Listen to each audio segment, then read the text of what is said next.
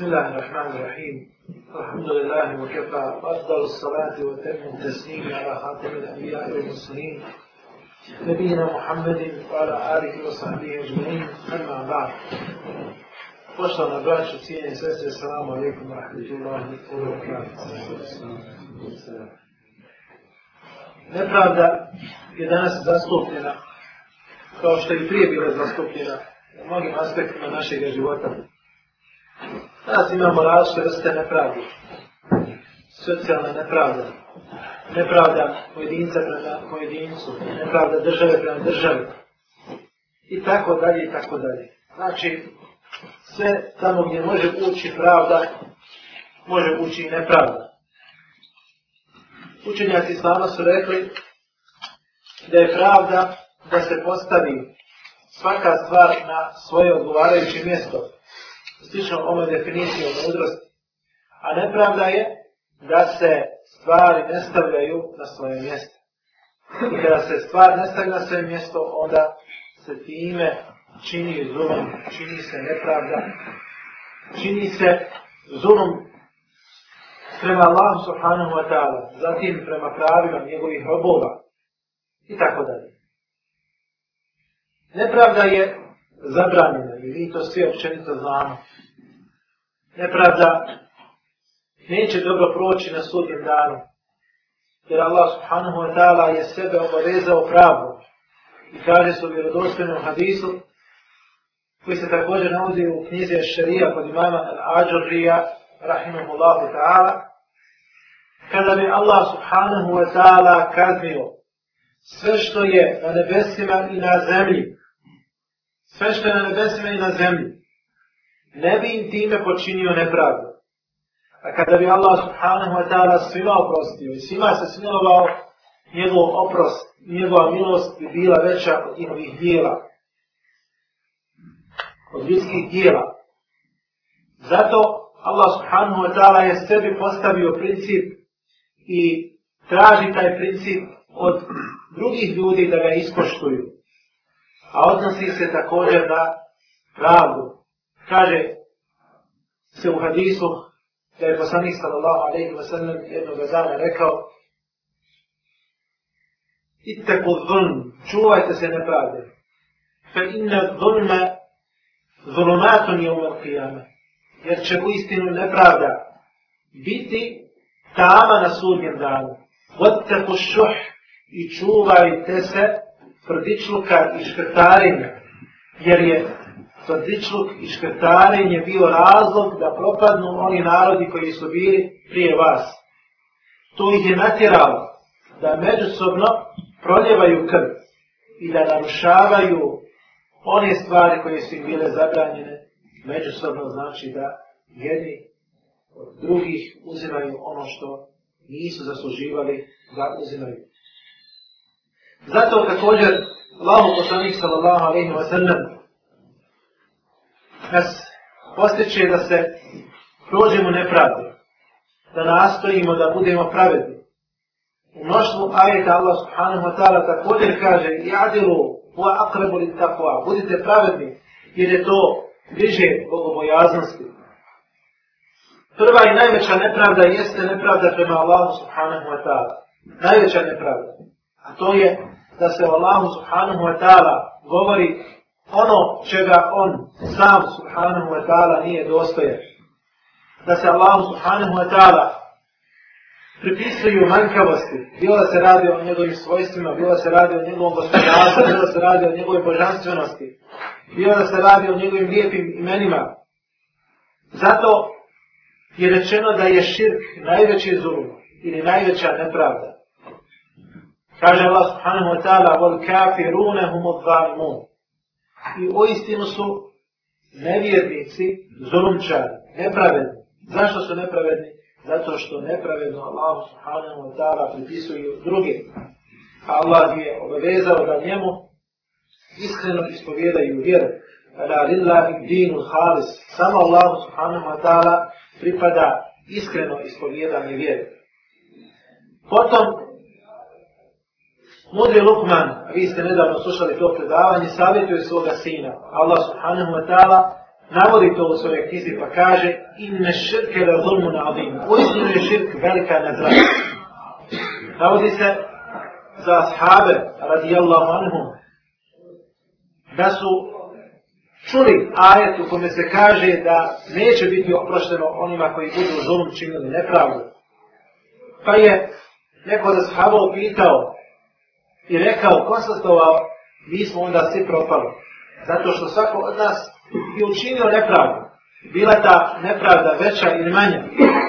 Pa je onda, poslanik sallallahu alaihi wa sallam, rekao, onako kao što je rekao dobri Allahov rob Luhman, in ne šetke le zulmu na ovim. To jeste protumačio je taj ajet kome se spominje nepravda i kaže da se ta nepravda odnosi na šef, odnosno pripisivanje druga Allahu subhanahu wa ta'ala. Druga vrsta nepravde jeste da čovjek čini nepravdu prema samom sebi. Da slijedi strasti, da izvjedava i ne radi ono što je Allah subhanahu wa ta'ala naredio i propisa i da čini ono što je Allah subhanahu wa ta'ala zabranio. Ta nepravda je također velika. وَمَا ظَلَمَهُمُ اللَّهُ وَلَكِنْ كَانُ بُسَهُمْ يَبِيمُونَ i Allah subhanahu wa ta'ala nije njima načinio nepravdu, nego su oni sami sebi načinili nepravdu. Kada tazlimu on fusekum, nemojte sami sebi činiti nepravdu. Jeste rob.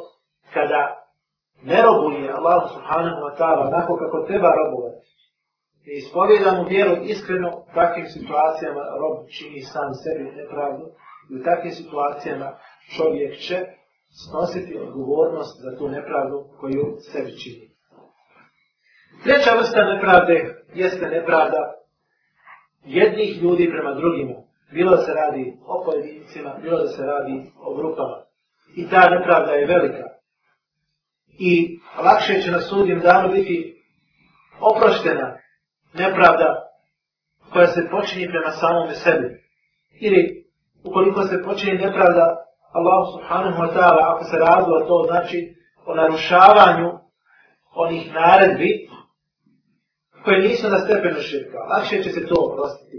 Zato su učenjaci islama, fatihi, islamski pravnici rekli, što se tiče Allahu i subhanahu wa ta'ala prava u osnovi, ona se opraštaju, čovjek će biti, čovjek će biti oprašten. A što se tiče prava robova, onda tu postoji, kažu, zatezanost. Na koji način za teza je tako što se čovjeku neće oprostiti dok ne isplati i dok ne izvrši ona prava koja je dužan izvršiti prema samim robovima. Odnosno, ljudima. Zato imamo nekoliko vrsta nepravdi. I to je opasnica onog o čemu večeras govorimo, nepravda ljudi prema ljudima. Prva nepravda ili prvi oblik nepravde jeste da čovjek nepravedno uzurpira nečiji pravo. Na primjer, čist oblik nepravde jeste da se uzurpira tuđa zemlja, da se uzurpira tuđi imetak, da se prisvoji. A poslanik sallallahu alaihi wa sallam, tako prenosi Aisha radijallahu anha, je rekao, men zaleme, hajde šibari, tumu kahu, seba radinu. Kaže onaj koji bude napravio nepravdu, učinio nepravdu, uzurpirao tuđu zemlju, pa makar za jedan pedalj, bit će natovaren sa sedam zemalja na sudnjim danu. Bit će natovaren sa sedam zemalja na sudnjim danu. A zamislite koliko će čovjeku biti teško da to nosi. Zamislimo samo kakve su okolnosti i kakve su te gobe na sudnjem danu, kada još bude na tovarni sa sedem zemalja. Vidimo kako poslanik sallallahu alaihi wa sallam ovdje kaže ko načini zulum, to jeste ko uzurpira tuđu zemlju samo za jedan peden, tako će mu biti. A šta mislite o ljudima koji daleko više čine zulum, koji uzimaju više ili manje? Poslanik sallallahu alaihi wa sallam je ovdje samo spomenuo najmanju količinu ili najmanju, najmanju mjeru da bi ukazao na ogavnost ovakvog postupka.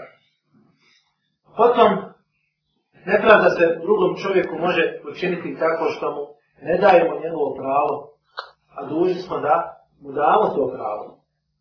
Na primjer, da smo duži nešto da isplatimo i da dugujemo drugome čovjeku.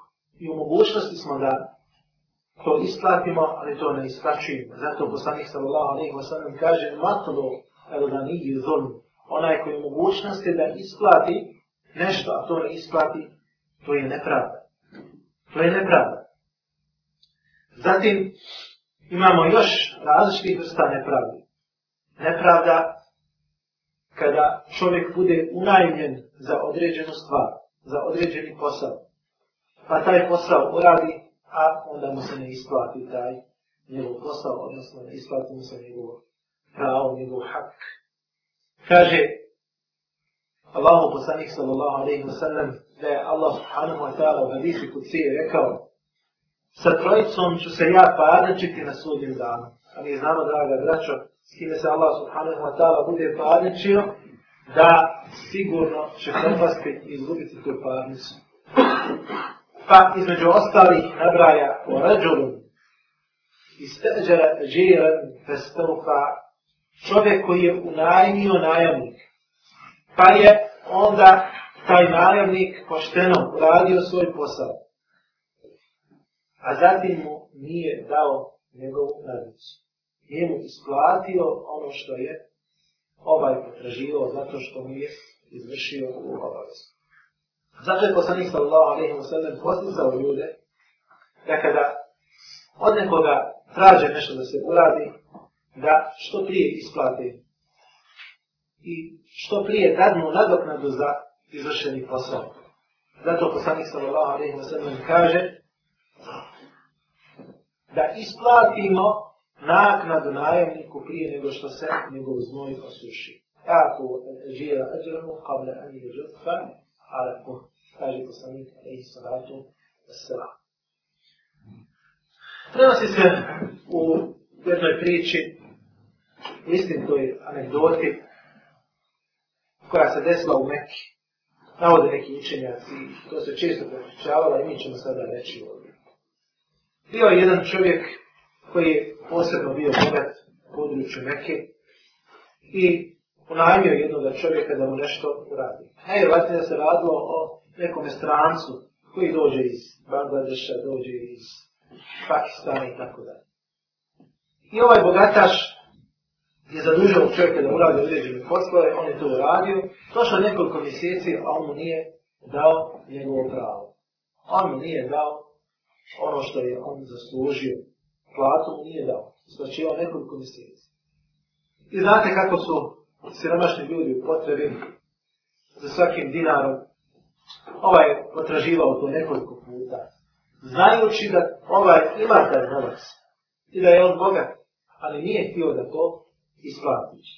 Šeta ga je postao ta, na to da to ne isplati. I šta se desilo? Ovaj siromah je rekao, ja ću moliti Allah, subhanahu wa ta'ala, protiv tebe. A ovaj je rekao iz svoga cinizma, pa ti, kaže, moli Allah, subhanahu wa ta'ala, i kod kabe ako hoćeš. Uhvati se za ogrtač kabe i moli Allah, subhanahu wa ta'ala smatrajući da je on znači u pravu i da ima pravo da zadržava svoj ljub, odnosno da zadržava tuđu pravo. I nakon određenog vremena ovaj bogataš je oborio, pao je na postelju, nije bilo lijeka za njega. Bio je u bolnici, tako su ljudi dolazili, prolazili, posjete. I u jednoj od tih delegacija posjeta nađe se i ovaj siromak. I kada ga je ovaj ugledao, kaže, jesam ti dobio od te mene onako kako sam ti rekao? Kaže, jesam, dobio sam kod Kaabe protiv tebe. I kaže, sada znam da je ta dova bila uslišana. E ta dova uslišana. Zato što je poslanik sallallahu alaihi wa sallam rekao, itteku da'vatel madrum, wa imkani kafira. Čuvajte se dove onoga kome je nepravda počinjena, pa makar taj kome je nepravda počinjena bio kafir, makar bio nevjernik. Jer između te dove nema i Allah subhanahu wa ta'ala nema nikakvog zastora. Što znači da se ta dova direktno prima. Zatim je ovaj naredio, ovaj bogataš naredio da se isplati ono što je potraživao i zamolio da ga uputi Allah subhanahu wa ta'ala da ovoga bude izliječen. Jedan od oblika nepravde jeste također da čovjek se zakune Allah subhanahu wa ta'ala nepravedno i lažno da bi dobio za sebe neko pravo. Lažno se zakune da bi došao do nekoga prava. Kaže poslanik sallallahu alaihi wa sallam meni htada haqqa imri'im muslimin onaj koji kaže uzme kako pravo muslimana putem lažne zakljetve. Putem lažne zakljetve. Allah subhanahu wa ta'ala mu je obač, obećao i obavezao ga vatre. To jeste Allah subhanahu wa ta'ala će ga sigurno staviti u džahnem wa harrama alaihi u džahnem i njemu je zabranio džahnem. Takvom čovjeku je džahnem zabranio. Vi svi znate da postoje različite vrste zakljetve. Zakljetve koje su dozvoljene i koje su opravdane. A ima jedna zakljetka koja se naziva Reminul Gamus. Lažna zakljetka. Nazvana je Gamus od Gamesa Jabnisu u arapskom jeziku, što znači da ta zakljetka čovjeka direktno vodi u džehennem i potrapa ga u vatru džehennema. Na koji način? Tako, kada se čovjek zakune je lažno, zato nema draga braća istupa. Mnogi od nas misle ako se zakunu lažno, da se mogu iskupiti tako što će nahraniti deset siromaha ili postiti tri dana ili otpustiti roba. Ne, za lažnu zakljetu nema iskupa. Osim pokajanja, da se čovjek pokaji, iskreno, Allah zna, subhanahu wa ta'ala, kome će oprostiti, ali za takvu zakljetu, lažnu zakljetu, se čovjek ne može iskupiti onim otkupom koji je propisan, a nego ta I taj propis se odnosi samo na slučaj kada se čovjek zakune da će nešto raditi ili nešto neće uraditi i to je osnovno dozvoljeno, on je to sebi zabranio i onda čovjek prekrši tu zakljetvu i onda tada se znači iskuplja. A kada se radi o lažnoj zakljetvi, to čovjek govori o nečemu što je bilo pa se lažna zakune, da je nešto bilo ili nije bilo u tom slučaju, takva zakljetva čovjeka vodi džehennem, neka nas Allah subhanahu wa ta'ala toga sačuva. Jedna od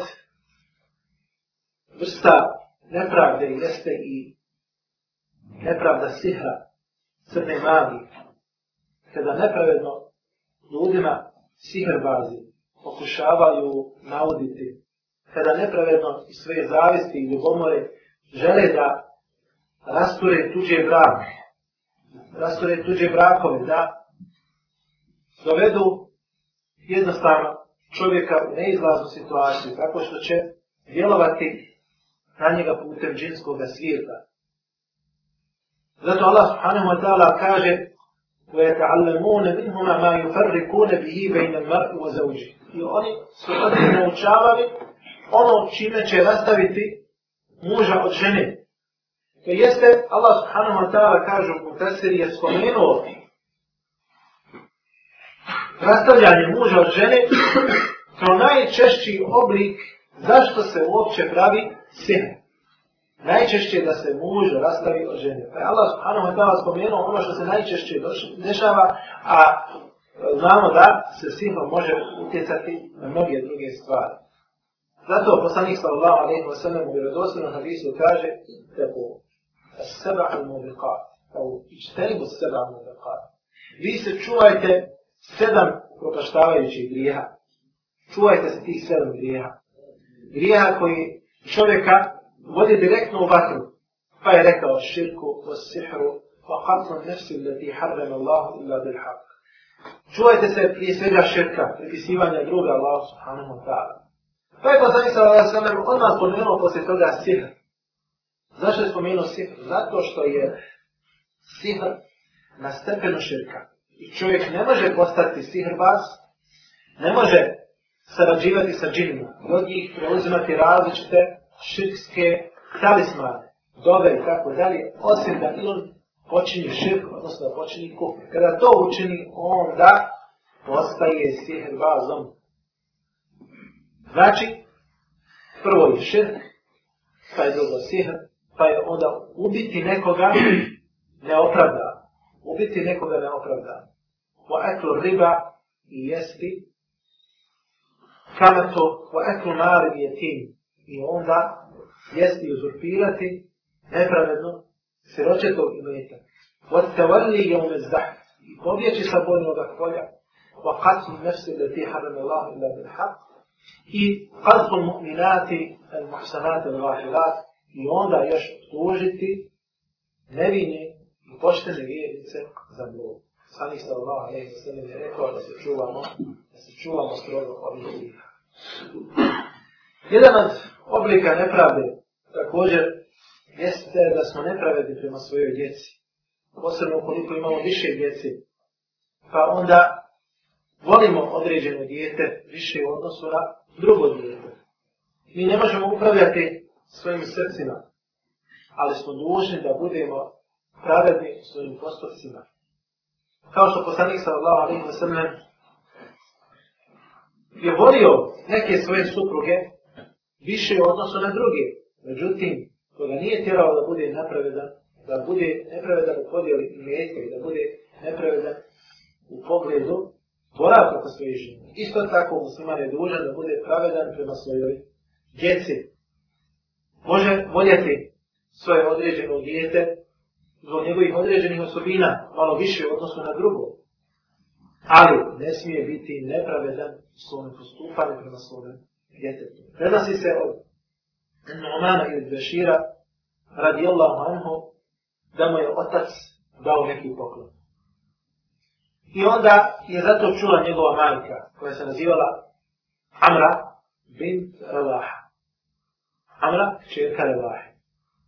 I rekla je, ja neću s vami biti smirena sve dok zavole posvjedoči Allahu poslanika alaihi sallatu wa Pa su otišli Allahu poslaniku sallallahu alaihi wa sallam i onda su mu ispričali šta se desilo da je on njemu dao dio imetka, dao mu poklon i onda je poslanik sallallahu alaihi wa sallam upitao, a jesi li svakom od svoje djece dao isto pa on kaže da nije I onda je poslanik sallallahu alaihi wa sallam rekao, ja neću se doćiti nepravdu. Ja neću se doćiti nepravdu. I rekao je također, bojite se Allaha, vi na tebe stoji, i budite pravedni prema svojim djeci. Bojite se Allaha, subhanahu wa ta'ala, i budite pravedni prema svojim djeci. Isto tako, čovjek može učiniti nepravdu i ne samo prema ljudima, može učiniti nepravdu prema životinjama. Mnoštvo je hadita poslanika sallallahu alaihi wa sallam koji govori na primjer o preoporečivanju životinja i da će te životinje se, znači kod Allah subhanahu wa ta'ala zavadati, odnosno da će te životinje se žaliti Allah subhanahu wa ta'ala na sudnjeg dana. Isto tako, nepravda je da se zarobi neka životinja, a da joj se ne daje njeno prava, to je hrana i piće kao što je poznato u hadisu poslanika sallallahu alaihi wa sallam, da je jedna žena ušla u vatru džehennema zato što je zatvorila mačku, a nije joj davala hranu, niti ju je pustila da se hrani vizarcima. Pa je samo zbog te mačke ušla, ušla u džehennem. Isto tako, nepravda je svjedočiti nepravedno i lažno također time uzimamo i uzurpiramo tuđa prava i pravimo smutnju na zemlji. Kada smo pozvali da nešto posvjedočimo, onda trebamo govoriti istinu bez obzira bilo to protiv nas, bilo to protiv naših bližnjih, bilo to protiv uglednih, jer istina je istina i čovjek se treba pokoravati, posebno se radi muslima, treba se pokoravati samo istinu. Naime, prenosi se u hadisu od Enesa radijallahu anhu, da je poslanik sallallahu alaihi wa sallam jednog dana spominjao veliki grijehe, pa je rekao da je to širk, da je to ubistvo, da je to neposlušnost prema roditeljima.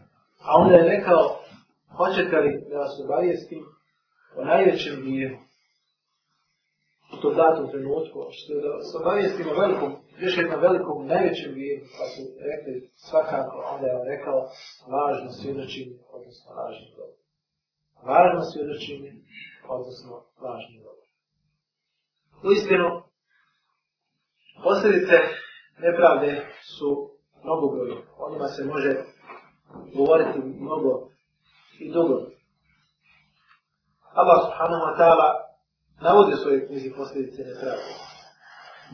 فقال ولا تحسبن ولا تحسبن الله غافلا عما يعمل الظالمون i nemoj smatrati da je Allah nesmatan i da ne gleda na ono što rade oni koji su nepravedni, koji su zulumčani. Innama yuakhiruhum li yawmin tashkhasu fihi al-absar. Nego Allah subhanahu wa ta'ala i samo odgađa do onoga dana, do sudnjega dana, kada će pogledi mnogih ljudi skretati. Također, Allah subhanahu wa ta'ala spominje kako je uništavao gradove i sela. وَكَذَلِكَ أَحْذُ رَبِّكَ إِذَا أَحَذَ الْقُرَى وَهِيَ غَانِمَ I tako tvoj gospodar žestoko kažnjava kada kažnjava sela i gradove u naselja. إِنَّ أَحْذَهُ أَلِيمُ شَدِيدُ U istinu je njegova kazna bolna i ona je žestoka. I ona je žestoka. A zašto su kažnjena ta naselja, odnosno ljudi u tim naseljima, zato što su bili, zato što su bili draga vraća, nepravedni. Allah subhanahu wa ta'ala je apsolutno pravedan, jer ljudi traži pravdu. Pogledajmo samo kako izgleda ta pravda na sudnjem danu, ta apsolutna pravda. Izgledat će ovako, da kaže poslanik sallallahu alejhi ve sellem da će se sva prava na sudnjem danu poravnati, to jest da neće biti nepravde. Pa čak ona ovca koja je bila bez rogova, ona će se osvijetiti onoj ovci koja je imala rogove. Zato što su se pobole na sudnji, odnosno na ovom jedinjaluku, pa je ova bila zakinuta zato što nije imala rogova. Pogledajte apsolutnu pravdu Allah subhanahu wa ta'ala. A šta tek reći kada se radi o ljudima, kada se radi o bićima koja imaju razum i koji će za svoj razum odgovarati. Ovdje se radi o animalnom svijetu, radi se o životinjama. A šta mislite kada se radi o čovjeku koji je zadužen propisima islama? U slučaju se radi znači o životinjama koji nisu zadužene propisima Islama, pa Allah subhanahu wa ta'ala i prema njima apsolutno pravedan. A šta tek reći kada se radi o ljudima, kako će se na sudnim dan njihova djela tentirati, kako će se na njih gledati. Kaže, također Allah u poslanih sallallahu alaihi wa sallam, ko bude imao kakvu nepravdu, to jeste da je počinio nepravdu nekome, da ima obavezu prema nekome, ili da neko kod njega ima kako pravo, traži neka to odmah da nas riješi. Neka traži halala od svoga brata. Prije nego što dođe dan u kojem neće biti ni dinara, ni dirhena, koji neće biti znači i metka, nego će biti samo dobra djela. I kada čovjek ode sa ovoga svijeta, sa takvom nepravdom, onda će se oduzmati od njegovih dobrih dijela, pa će jadnik ono sve što je skupio od dobrih dijela morati to na sudnjem danu razdijeliti. Poznat nam je hadis poslanika Ali Salatu Veselam u kome kaže Ete drune nam je muflis. Znate li vi ko je bankrotirao? Ko je propao? Pa su oshabi rekli bankrotirao je onaj čovjek koji nema ni djece, nema ni metka. Kaže, sam Isa Allah, nije taj bankrotirao tretirao je onaj i na sudnji dan dođe sa dijelima poput brda. Znači imao je dobrih dijela, dosta. Ali je prosuo krv ovoga, opsovao je ovoga, ovoga je udario i tako dalje. Pa će ovome dati od svojih dobrih dijela, pa će ovome dati od svojih dobrih dijela. Tako će vas podijeliti. Kada nestane tih brda, kada nestane tih dobrih dijela, onda će se uzeti loša djela onih kojima je on činio nepravdu od tih loših djela će se prebaciti na toga čovjeka. I kada se to prebaci, kaže, takav će čovjek pasti, pasti u ženu. Nas Allah subhanahu wa ta'ala toga sačuva.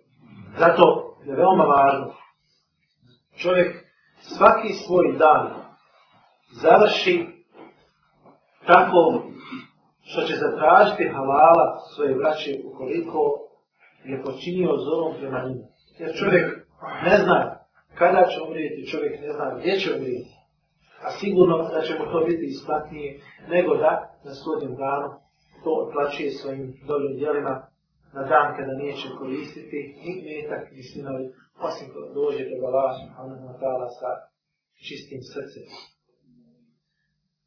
Isto tako, Allaho poslanik sallallahu alaihi wa sallam nas ostiče da se pokajemo za nepravdu.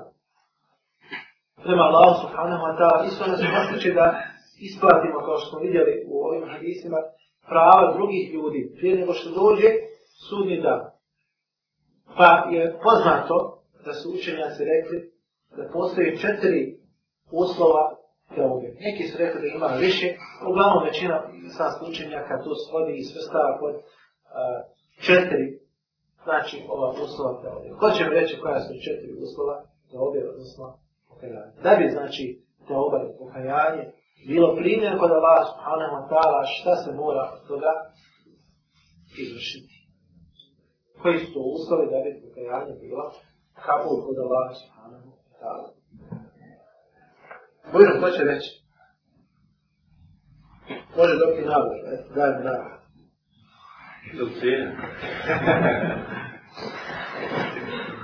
Govori, nije važno sad kolika je nagrada, ono je simbolično. Pa se istično, koliko je Allah u Zalšanu za dijelo koje je počinio, da se više ne vraća tom dijelu. Na vjeru je čršo da će biti primjeno da izmiri meta kako je kome je. Ako je kome je. Pa se navada da se ne dijeli. Opet nisu čače stvari. Mi to uha je zajedno navada. da momentalno prestane sa činjenjem tu vebu, koji tvrdi. Zatim da se iskreno pokaje za učinjeno djelo, da ima namjeru da se više nikada neće vratiti na to djelo, i zatim da isplati ona prava ukoliko su grijesi vezane za naše prava drugih ljudi. Ukoliko su grijesi vezane za prava drugih ljudi. Zato svako od nas ima mogućnost, Allah subhanahu wa ta'ala nas je poživio, da se pokajimo i da zatražimo halala jedne od drugih prije nego što izađe sunce sa zapada ili prije nego što čovjek od duša dođe do njegovog dakle. Molim Allah subhanahu wa ta'ala da smo se koristili učera sa droga. Molim Allah subhanahu wa ta'ala da nas sačuva nepravde. Posebno ne najveće nepravde i psivanja droga Allah subhanahu wa ta'ala. Molim Allah subhanahu wa ta'ala da nam oprosti. Ahim wa ta'ala. Sallallahu alaihi wa sallam. Hvala alihi wa sallam.